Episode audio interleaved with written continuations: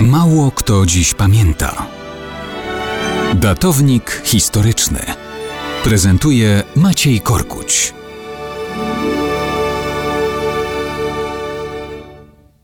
Dzisiaj zapewne wielu ludzi będzie pamiętać, że 17 września 1939 roku Armia Czerwona dokonała zbrojnej inwazji na Polskę, kolejny już tydzień krwawiącą w walkach przeciw Niemcom. Uderzenie kilkuset tysięcznych wojsk sowieckich na całym biegu polskich granic wschodnich ostatecznie przekreśliło polskie plany takiego przegrupowania walczących wojsk z Niemcami, aby spróbowały się utrzymać w południowo-wschodnich województwach Rzeczypospolitej w łączności z sojuszniczą Rumunią.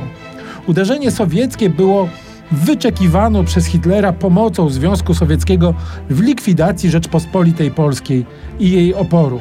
Zawarty wcześniej, 23 sierpnia, pakt Ribbentrop-Mołotow dokonywał podziału pomiędzy niemiecki i sowiecki totalitaryzm krajów Europy Środkowej.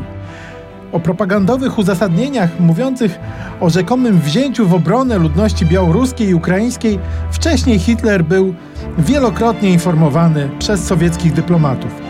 Podobnie był uprzedzony o czasie dokonania zbrojnej agresji. Stalin był przekonany, że w ten sposób wkracza na drogę realizacji długofalowych celów bolszewickiej rewolucji, czyli rozszerzenia komunistycznego zniewolenia na inne kraje Europy, a w dalszej części na cały świat. Samodzielnie Polski pokonać Związek Sowiecki raczej by nie był w stanie. Ramię w ramię z Hitlerem, owszem, Udało mu się to w roku 1939. I o tej przyjaźni Stalina i Hitlera na zawsze powinniśmy pamiętać.